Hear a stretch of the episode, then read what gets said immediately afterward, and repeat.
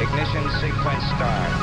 Five, four, three, two, one, zero. Quantum leap. Salto quântico, salto quântico, salto quântico. Quantum Salto quantico. Salto quantico. Salto quantico. Kvantum, det du inte visste att du ville veta.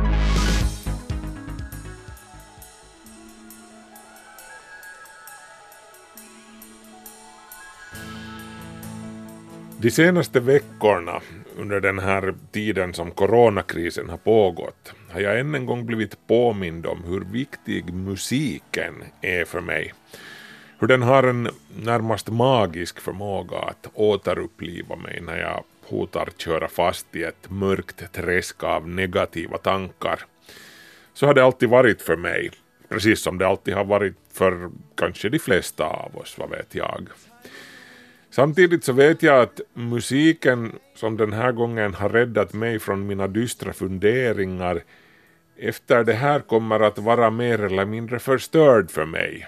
Jag har alltså en skiva som jag har lyssnat väldigt mycket på nu på sistone. Ett live-album av en av mina favoritartister, Steven Wilson.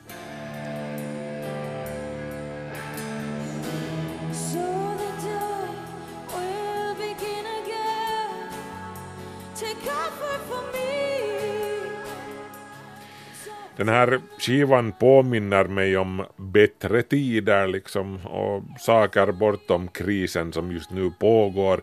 Den transporterar mig till en annan tid och en annan plats. Nå, ni vet. Men när jag lyssnar på samma skiva om ett år eller om tio år, säg till exempel, då kommer den här samma musiken att transportera mig tillbaka till mars-april 2020 då coronakrisen ruskade om världen och jag brottades med känslor av stress, oro för mina närstående och min egen hälsa och så vidare och så vidare. Jag kommer till och med att minnas den här snålblåsten och aprilsnön som föll medan jag gick ute längs med bäcken här intill och det smältande slasket som rann in under kragen på mig medan jag lyssnade på Steven Wilson i hörlurarna.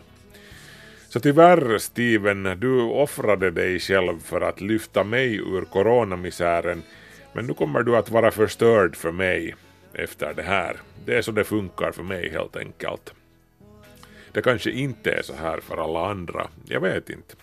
Men vi ska gå närmare in på det här i veckans kvanthopp, det här om våra starkaste musikupplevelser och hur de gör oss till dem vi är och hjälper oss i tider av kris och svårigheter.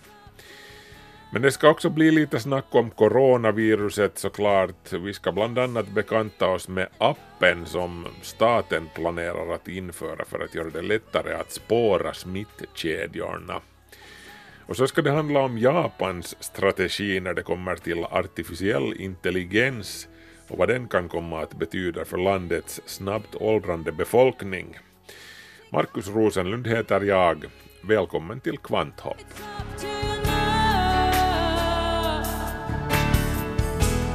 You're still here and you're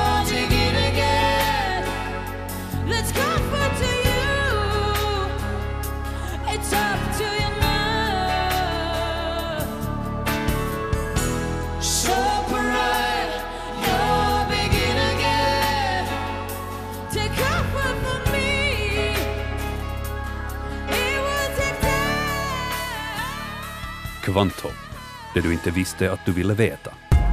Det här är en Svenska Yle-podd.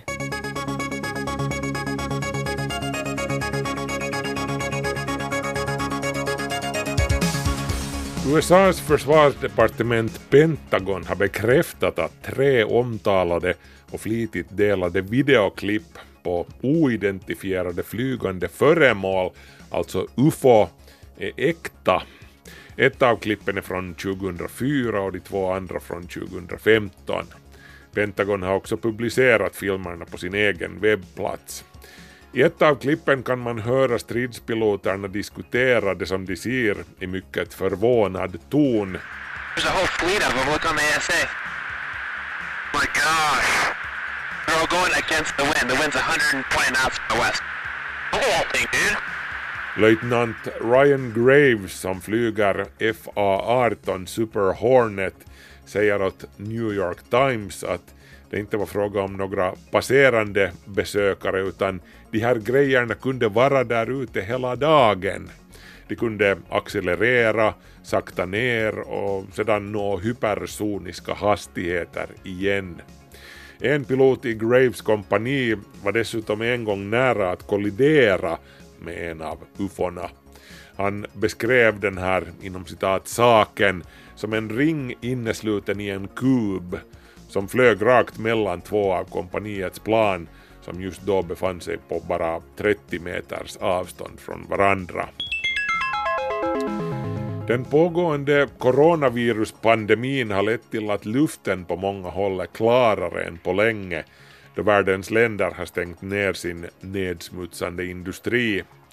Men det här betyder inte att den globala uppvärmningen skulle vara avblåst, tvärtom.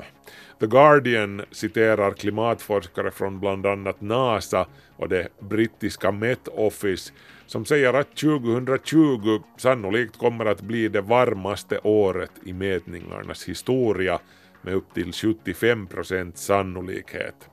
2016 toppar just nu listan över varma år, men då var det en El Niño på gång i Stilla havet, vilket alltid höjer på den globala medeltemperaturen.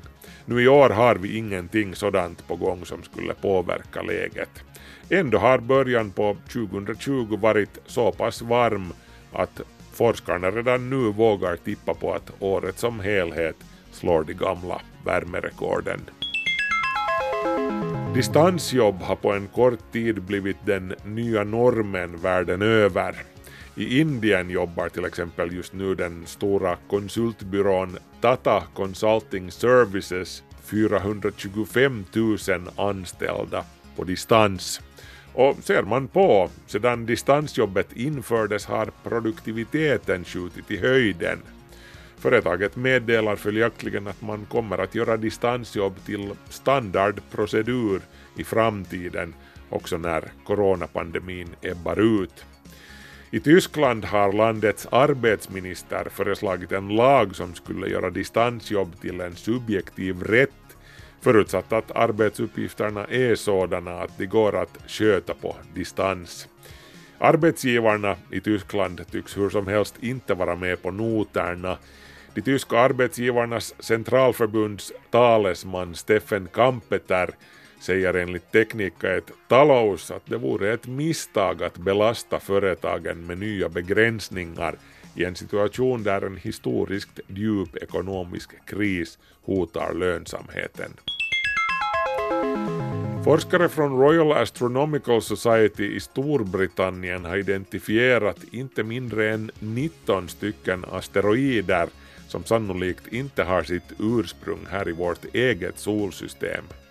Asteroiderna i fråga kretsar numera runt solen ute mellan Jupiters och Neptunus omloppsbanor, men de har alltså ursprungligen tillhört andra solar. I något skede för flera miljarder år sedan har vår sol kidnappat dem inom citat då stjärnorna har passerat i vårt solsystems närhet. Forskarna har räknat ut det här genom att mata in asteroidernas banor i en simulation i en superdator och sedan har man beräknat banorna bakåt i tiden. Och det visade sig alltså att asteroiderna i fråga inte är av inhemskt ursprung så att säga. Den första bekräftade interstellära asteroiden var Oumuamua som rundade solen 2017 och gav upphov till många rubriker. Men Oumuamua stannade inte utan den försvann tillbaka ut mot stjärnorna.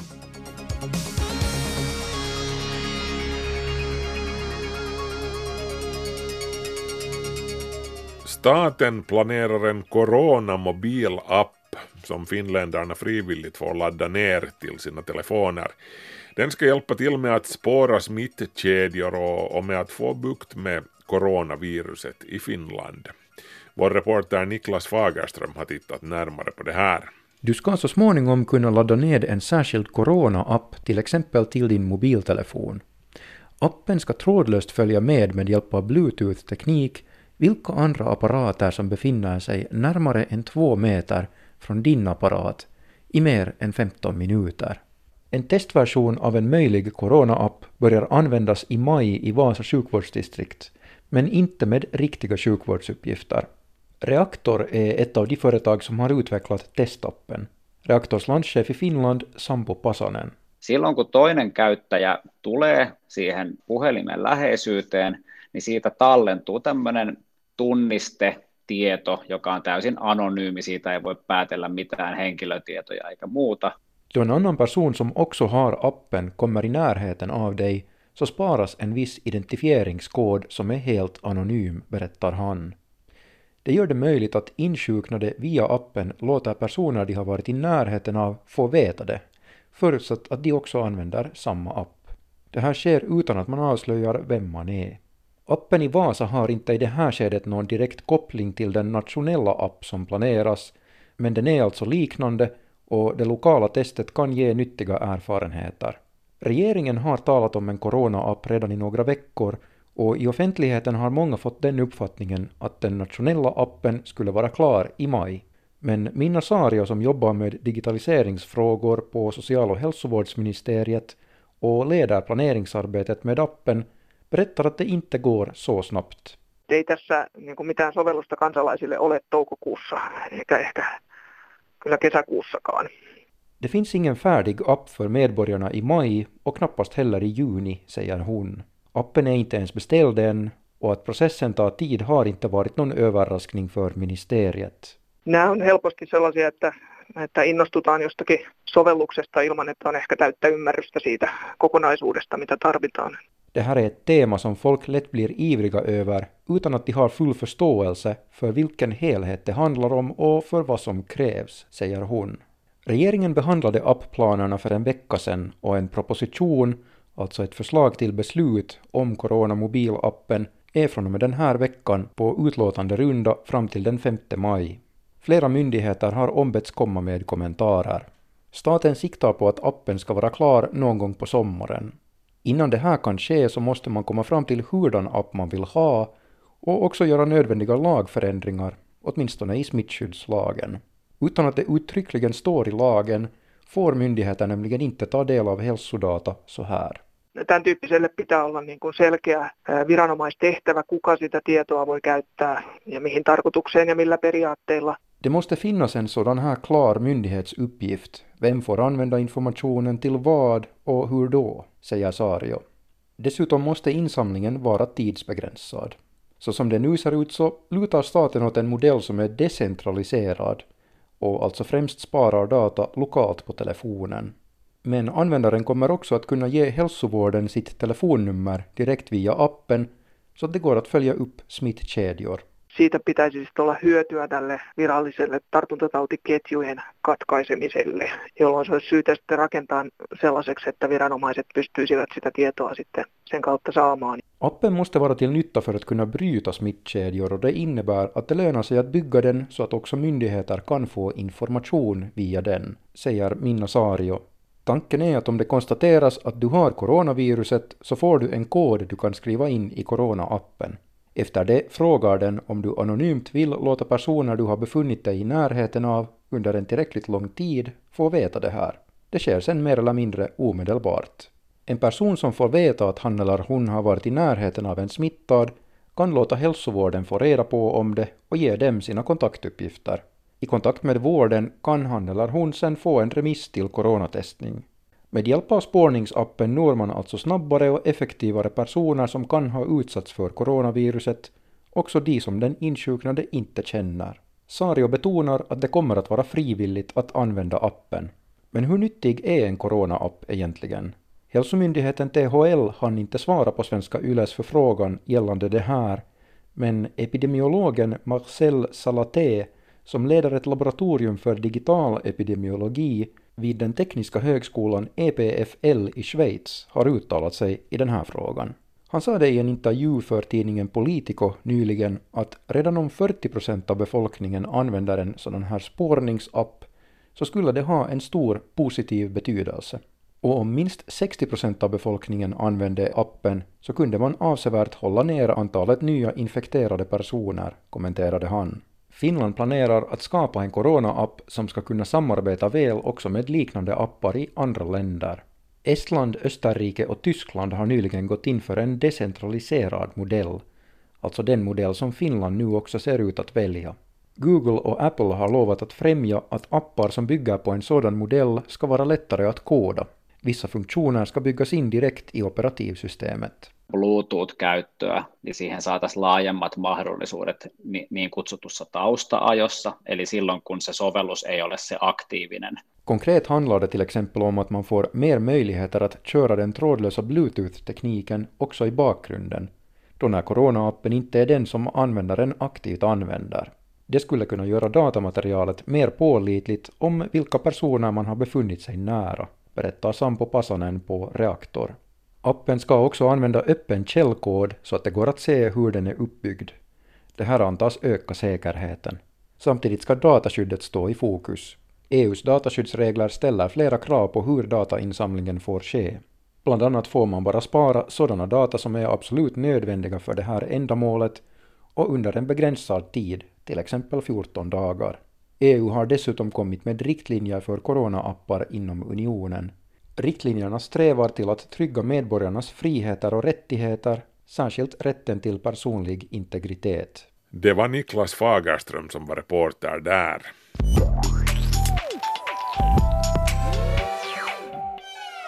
Yle. Som sagt, musiken har en fantastisk förmåga att påverka oss. Starka musikupplevelser kan förändra oss i grunden och spela en enorm roll, inte minst i kristider. Vi ska nu få ta del av ett program från Sveriges Radios Vetandets värld. Redaktör för inslaget som ni ska få höra är Peter Normark. när kyrkan stängdes och det var ljust i juni, juli och så sitter man där med en orgel och en fantastisk akustik. Det är en mäktighet i det. Storheten, rymden, något mycket större än man själv. Starka musikupplevelser har förmågan att förändra oss i grunden. Idag ska vi dyka in i musiken och psykologin bakom musiken. Vilka reaktioner och upplevelser får vi när musiken griper tag i oss? Det här är Vetandets värld i Sveriges Radio P1, idag med mig Peter Normark. Och vi börjar hos en av den svenska musikpsykologins verkliga pionjärer. Eller rättare sagt, vi börjar i hans första starka musikupplevelse. Föreställ dig att du går upp för gången till den stora kyrkan. Det är sommar, varmt, sent guldljus följer dig upp för trapporna. Porten står öppen och du hör musik. Där sitter det någon, knappt mer än en pojke, och han spelar på den stora orgeln. Det du inte vet är att du just nu är inne i en av hans starkaste musikupplevelser. Och kanske delar ni den, utan att han vet att du tjuvlyssnar.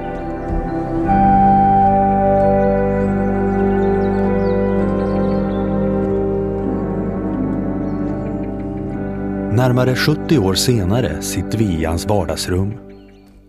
Alf Gabrielsson och jag är eh, professor emeritus i psykologi i Uppsala och har eh, särskilt inriktat mig på ett område som heter musikpsykologi som i och för sig är väldigt okänt för de flesta men oerhört spännande därför att det handlar just om hur vi upplever och reagerar på musik.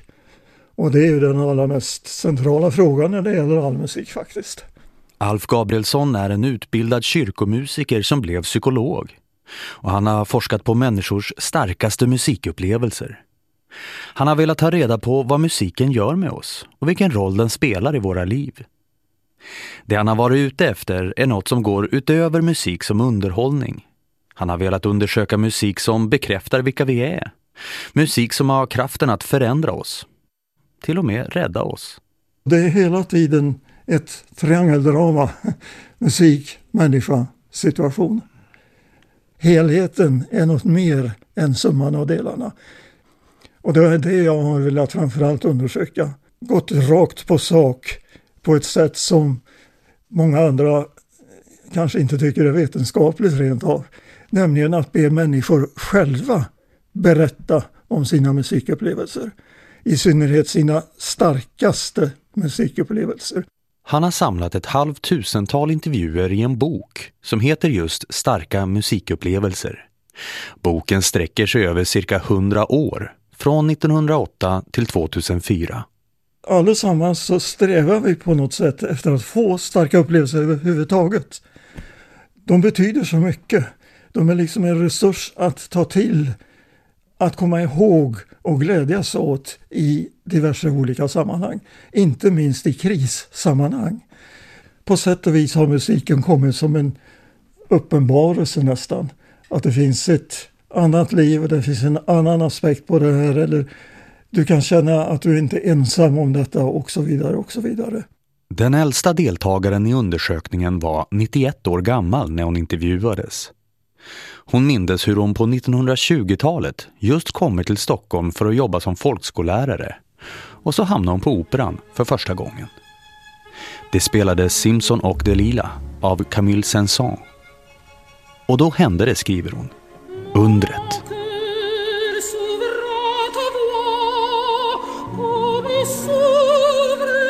Det verkade som om jag satt i en väldig ljusglob, fylld av musik. Jag var ensam i musiken, fylld av lycka, omedveten om allt runt omkring mig. Helt oberoende av omgivningen, allt prass och allt omkring försvinner. Hon är fullständigt borta innesluten i denna bubbla av glas. Ungefär tio minuter säger hon. Och det var alltså 70 år sedan upplevelsen i fråga. Den upplevelsen har jag burit med mig genom hela livet, skriver hon. Varför är det viktigt att bjuda in, vad ska man säga, den enskilda människans musikupplevelse? Ja, men hur ska vi annars komma åt den? Alternativet vore nämligen, och det som många andra av mina kollegor förespråkar, du gör i ordning en eh, lista med påståenden om hur man reagerar eller uppfattar musiken. Och sen får var och en ta, ta ställning till detta genom att gradera på en skala från låt säga 0 till 10. 10 där 10 det stämmer precis och 0 stämmer inte alls. Och det är väldigt bekvämt så tillvida att då har du en väldig massa siffervärden efteråt och bara mata in dem i datorn i lämpliga statistikprogram. Och det har jag också gjort. Jag har kombinerat de här båda. Men det blir mycket, mycket större bredd och djup om vi överlåter ansvaret till personerna själva. Eller kanske det är ännu bättre om vi delar på ansvaret, så att säga. Men det här att samla in berättelser, det är oerhört krävande, tidsödande naturligtvis. Och sen måste du dessutom analysera de här berättelserna då, för där finns inga färdiga mallar att gå på. Men det lär man sig verkligen på. Och det har jag ägnat åratal åt. Forskningsprojektet pågick från slutet av 1980-talet till en bra bit in på det nya millenniet. Närmare tusen personer intervjuades och många lämnade fler än en berättelse. Syftet var ju att ta reda på vilka upplevelser och reaktioner kan uppträda i starka musikupplevelser. Intervjupersonerna beskrev fysiska reaktioner, såsom den klassiska gåshuden. Men eh, framförallt ett långt register av känslor. Allt från frid och ro till eufori och extas. Dominerande var känslor av lycka och glädje. Och sen vidare därutöver till mera ovanliga aspekter, sådana som egentligen inte alls har behandlats tidigare i forskningen i samband med musik. Nämligen frågor om existensen. Vad är meningen med livet och tillvaron? Vad är meningen med mitt liv? Vad går det hela ut på? Och transcendenta historier där man alltså upplever någonting som går långt utöver det normala. när man beskriver musiken som övernaturlig, magisk, trollsk, utomjordisk och liknande. Och andlig naturligtvis också. Utan att andlig egentligen behöver ha en direkt religiös innebörd. Och att man upplever att man är en del av kosmos, en del av något mycket, mycket större. Och sen mängder av religiösa upplevelser också. Alf noterade också rent personliga reaktioner. Att musiken gett människor nya insikter. Den starka musikupplevelsen har då blivit något man kan gå tillbaka till och som stärker ens känsla för vem man är. Många beskrev hur de lärt sig använda musiken för att påverka sina känslor. Som en sorts självterapi. Och en av de viktigaste sakerna i sammanhanget är också att man kan uppleva en bekräftelse av sig själv. Att den här musiken den är precis som jag. Andra har precis samma tankar och känslor som jag har. Jag är inte ensam om det här. Det är nog kanske något av det allra viktigaste. Det, inne, det gränsar ju till att man får en identifikation mellan musiken och en själv. Du lyssnar på Vetandets värld i Sveriges Radio P1 med mig Peter Normark. Jag är hemma hos Alf Gabrielsson, professor emeritus i psykologi vid Uppsala universitet. Han spelar Horgalåten som sägs ha uppstått ur sägnen om hur djävulen kommer till byn Horga och får ungdomarna att dansa sig till döds.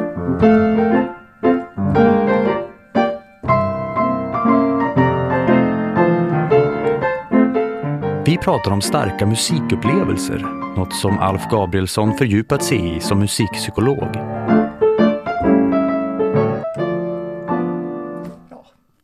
Våra reaktioner på musik är många och olika, men musiken verkar ha förmågan att stärka vår känsla för vilka vi är.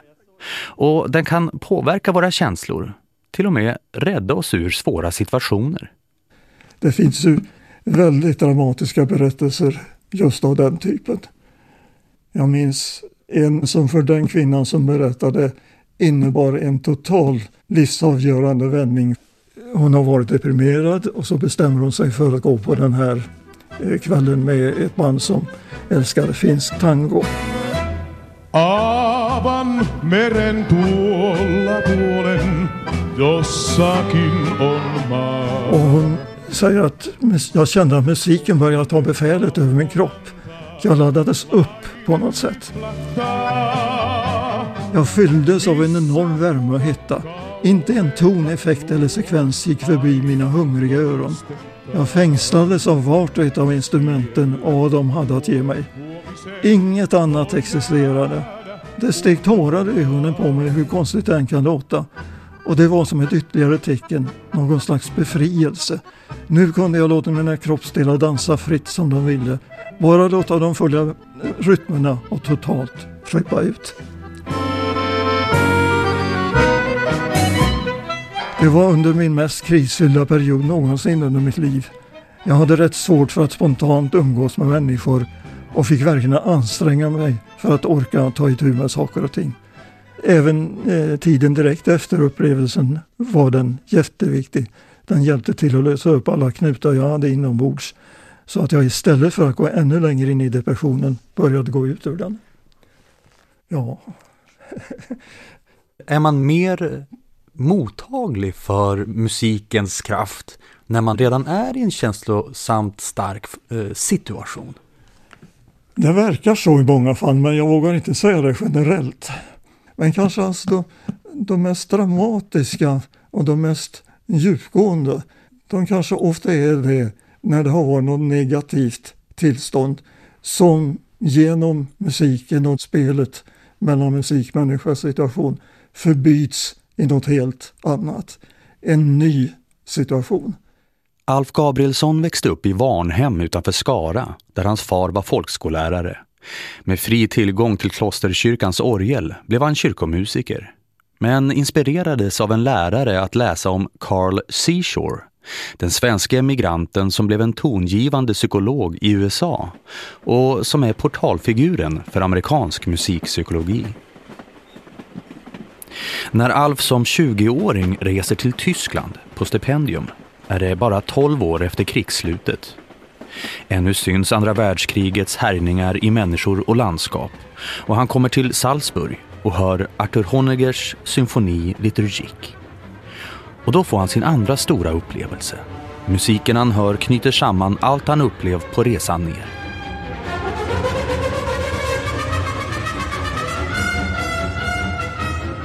Den tog mig väldigt hårt, eller djupt kan man säga. Därför att den på något sätt speglade just hela det trauma som kriget innebar. Inte bara där utan för alla människor överhuvudtaget. Det är sånt där tillfälle då man efteråt inte vill träffa någon annan och prata utan då, då behåller man det för sig själv. Man behöver kontemplera det ett bra tag efteråt och låta det liksom sjunka in. Kriget återkommer i många av de tidiga intervjuerna. Inte minst erfarenheter från våra grannländer. En kvinna minns hur hon som sjuåring fick besök av sin farbror som hade fabrik i det ockuperade Norge. Han berättade dystert om läget i vårt grannland. Men så spelade han fiol. Och han spelade Olle Bulls Säterjäntans söndag. När min farbror spelade, berättar kvinnan, blev det liksom stilla omkring både honom och mig. Skuggorna under hans ögon försvann tyckte jag. Något krig fanns inte, inga bekymmer, ingen svält, bara ljus och fred. Hans ansikte lyste och det liksom strålade om honom. Och det smittade av sig på mig. Jag kom liksom in i det upplysta landskapet.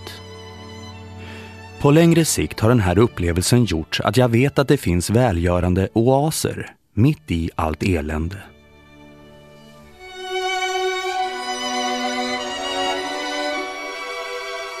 Men musikupplevelsen hänger som sagt också på situationen. En intervjuad kvinna kunde inte längre lyssna på Sibelius eftersom Finlandia spelat efter krigsrapporterna på finsk radio.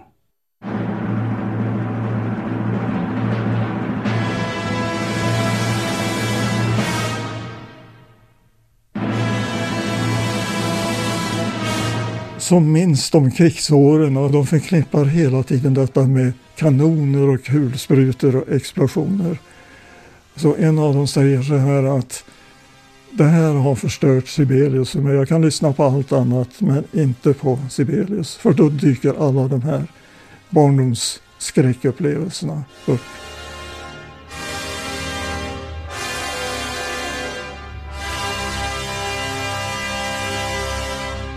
Så där ser man hur en helt annan situation alltså förändrar intrycket av musiken. Ett av de här första exemplen är ju någon som hör Brahms vals spela Ja. som barnen ska gå och Ja. lägga sig. Ja. Om jag minns det rätt så är det en människa som sen ja, viger sitt liv åt att bli musiker Ja, ja. och menar att den där upplevelsen Mm. spelade roll. Mm. Och det är intressant att de flesta fall är det, eh, när detta berättas så är det just barndomsupplevelser som har varit eh, utslagsgivande. Det finns ju en annan berättelse alldeles strax efter den som du nämner med en eh, sexårig pojke som eh, förmås av sina föräldrar att följa med på en konsert i kyrkan och som inte alls vill vara där och det är höst och han är grinig och han somnar när de går fram till kyrkan. Och sen beskriver han hur han långsamt, långsamt kommer ur sin dvala och hör orgelmusik.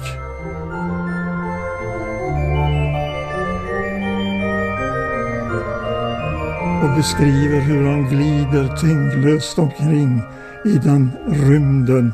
Och beskriver tonerna och klangerna som prickar och streck som far omkring i luften.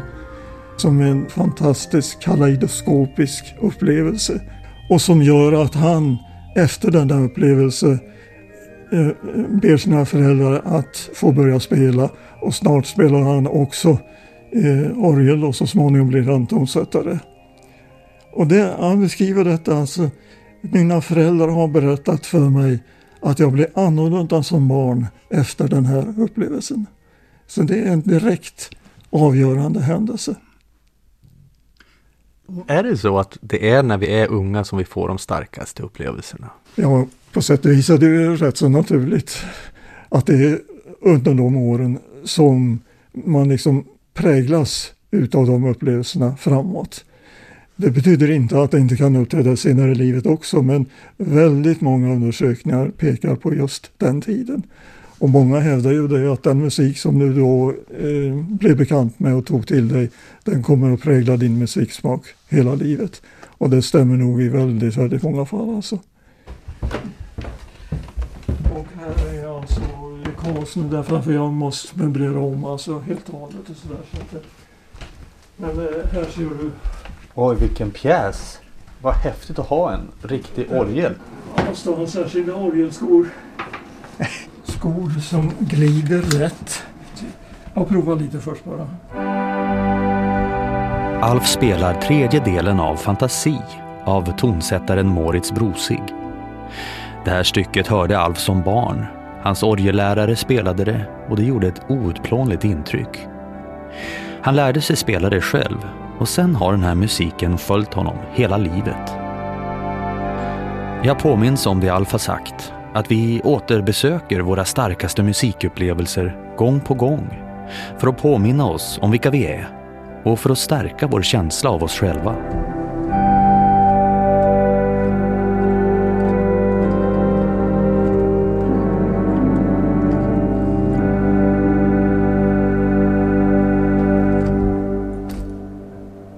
Vad fint du spelar. Ja, det är en fin stycke den här.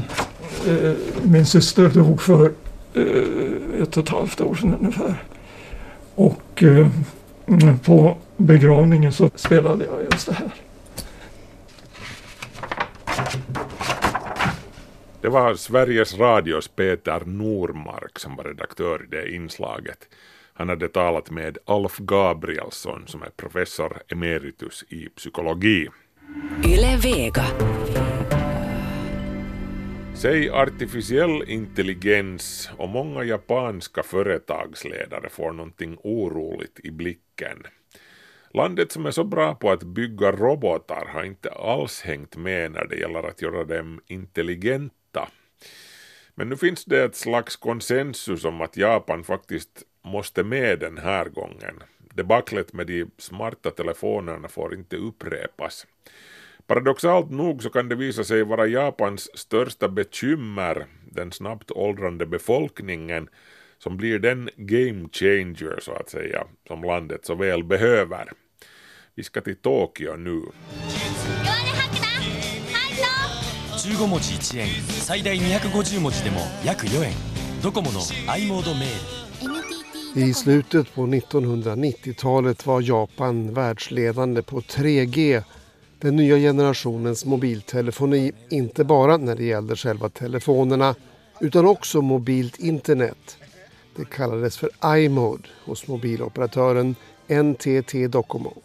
Långt innan Steve Jobs och Apple presenterade iPhone kunde man i Japan få en telefon som surfade på internet, hade inbyggd kamera och färgskärm.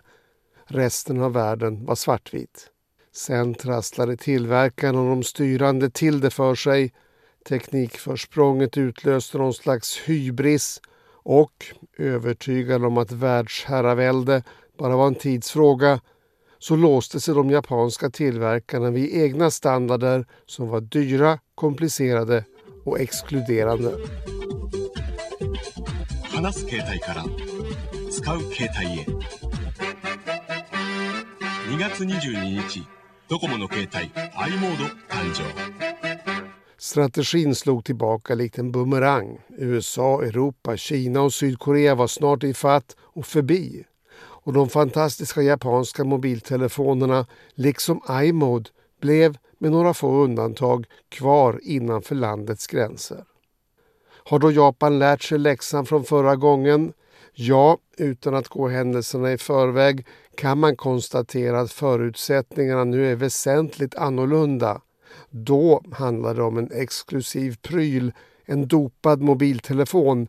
Nu är det landets överlevnad som ligger i vågskålen. We are väldigt very little young people and many, many are old people. So it's very clear that uh, the uh, will uh, have a shortage in uh, labors. Låt oss vara realistiska. Vi har väldigt få unga människor och väldigt många äldre. Det råder ingen tvekan om att vi kommer att få en stor brist på arbetskraft i Japan.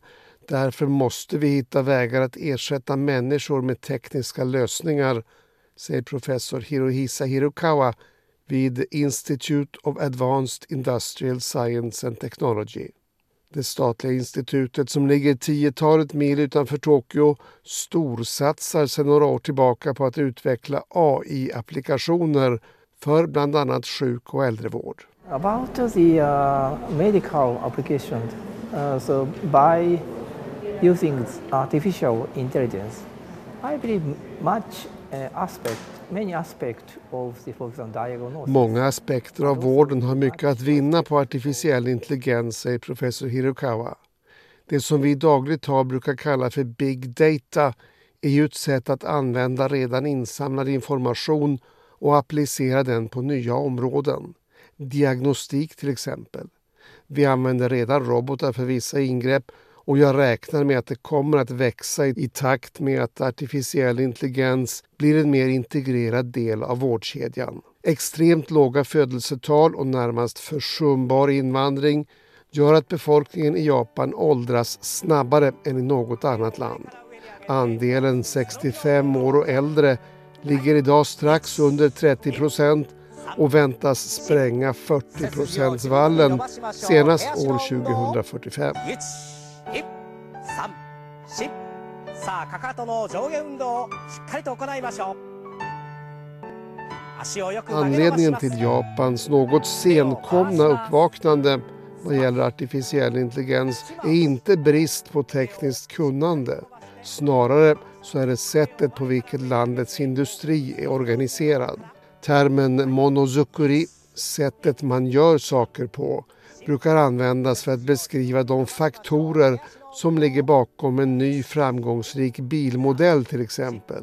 Alla drar åt samma håll och använder sig av sina egna styrkor samtidigt som man noga undersöker och åtgärdar eventuella svagheter. Toyotas framgångar med lean production och just-in-time delivery visar att monozukuri är överlägset när det gäller att bygga bilar men sen har det ofta tagit stopp.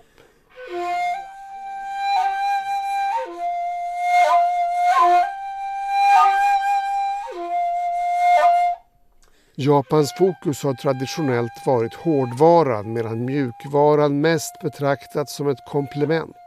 Inom artificiell intelligens så är det som bekant tvärtom.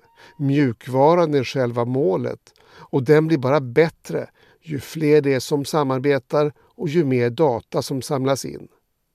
Samtidigt så är datamängd något abstrakt, svår att kvantifiera och närmast omöjlig att sätta ett pris på. Japan var en av pionjärerna på användande av robotar i industrin och redan på 1980-talet så hade man storslagna planer på området maskininlärning, föregångaren till artificiell intelligens. Men även om det fanns gott om idéer så gjorde dåtidens begränsade datorkapacitet att eh, processerna gick för långsamt för att det skulle vara meningsfullt att fortsätta och programmet lades därför i malpåse. Efter påstötningar från industrin och forskarvärlden så beslöt den japanska regeringen på nytt ta i frågan och nyligen så tillkännagavs en serie järva mål kring artificiell intelligens. År 2045 ska AI omsätta motsvarande 1000 miljarder euro inom områden som självkörande bilar och jordbruksmaskiner, individanpassade mediciner, övervakning och förstås äldrevård. まあ、現在人工知能ブームで、まあ、世界中でいろんな研究がなされています私自身は、まあ、5年ぐらい前からですねコンピューターに小説を書かせるという研究をやっています men det finns också mer obskyra områden. Nyligen så lät datavetaren Hitoshi Matsubara ett datorprogram författa ett bidrag till en känd novelltävling. Novellen tog sig till andra omgången. Domarpanelen hade inte förvarnats men tyckte att karaktärerna kunde ha mejslats ut lite mer. Mitt mål var inte att vinna tävlingen utan att visa att artificiell intelligens kan fungera ungefär som människans kreativitet, berättar Matsubara på bokförlaget Shuheishas hemsida. Det han gjorde var att mata in huvudpersonerna i grova drag, en ungefärlig storyline, antal ord och sen fick datorn sköta resten. Inom science fiction används ofta begreppet singularitet. Den brytpunkt då artificiell intelligens blir så avancerad att den börjar utveckla sig på egen hand och då går om människan. Så vem vet, inom en inte alltför avlägsen framtid kanske vi får se en dator ta emot Nobelpriset i litteratur av en annan dator. Reporter i det inslaget var John Thunqvist. Tack för sällskapet säger Markus Rosenlund. Kvanthopp är slut för den här veckan. Vi hörs, ha det bra, hej så länge.